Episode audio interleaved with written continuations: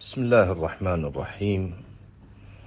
العاصي لله عز وجل عياذا بالله من معاصيه تغلبه نفسه بوسوسة الشيطان فيعصي الله تبارك وتعالى.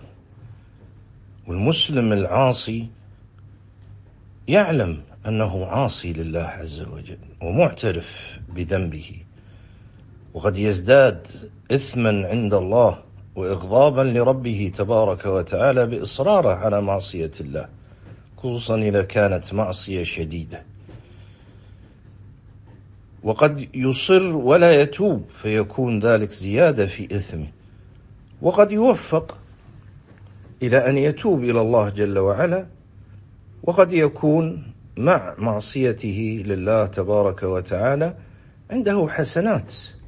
وطاعة لله تبارك وتعالى بقلبه ولسانه وبدنه كما روى البخاري في صحيحه أن رجلا في زمن النبي صلى الله عليه وسلم رضي الله عنه كان يشرب الخمر وكان يؤتى به مرارا فيجلد وهو في زمن النبوة. فقال رجل من أصحاب النبي صلى الله عليه وسلم لأن النبي صلى الله عليه وسلم قد قال في الخمر إن الله لعنه فيها عشرة. فقال هذا الصحابي رضي الله عنه لعنه الله. ما أكثر ما يؤتى به. فقال النبي صلى الله عليه وسلم لا تلعن فإنه يحب الله ورسوله. فشهد له النبي صلى الله عليه وسلم بخصلة وصفة من أعظم أعمال القلوب الصالحة وهي حب الله ورسوله صلى الله عليه وسلم. بينما طبعا يعتبر المنحرفون يعتبرون شارب الخمر المسلم هو العدو الأكبر للإسلام والمسلمين.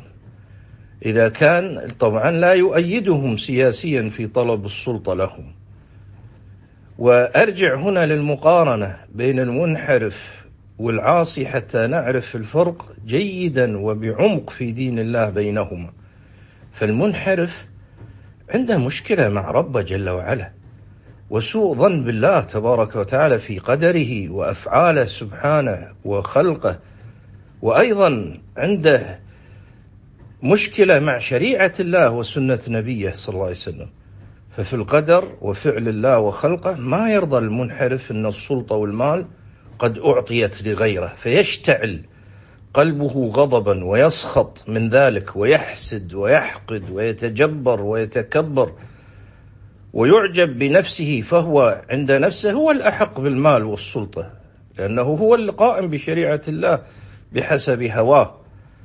قال الله تعالى أهم يقسمون رحمة ربك؟ نحن قسمنا بينهم معيشتهم في الحياة الدنيا. وقال الله سبحانه وتعالى وربك يخلق ما يشاء ويختار. ما كان لهم الخيرة سبحان الله وتعالى عما يشركون.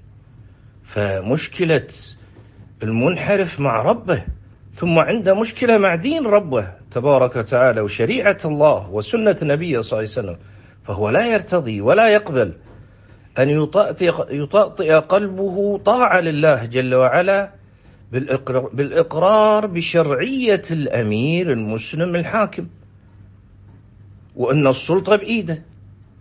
ولا يرضى أن يتمسك بما جاء في السنة المفصلة عن النبي صلى الله عليه وسلم والشريعة من الإقرار بشرعية الأمير والصبر عليه وطاعته وعدم الخروج باللسان وفوق ذلك والنصيحة له بالسر فمشكلة المنحرف في الحقيقة عياذا بالله أعظم من مشكلة العاصي وإن كان كلاهما مأمور بالتوبة وتقوى الله عز وجل.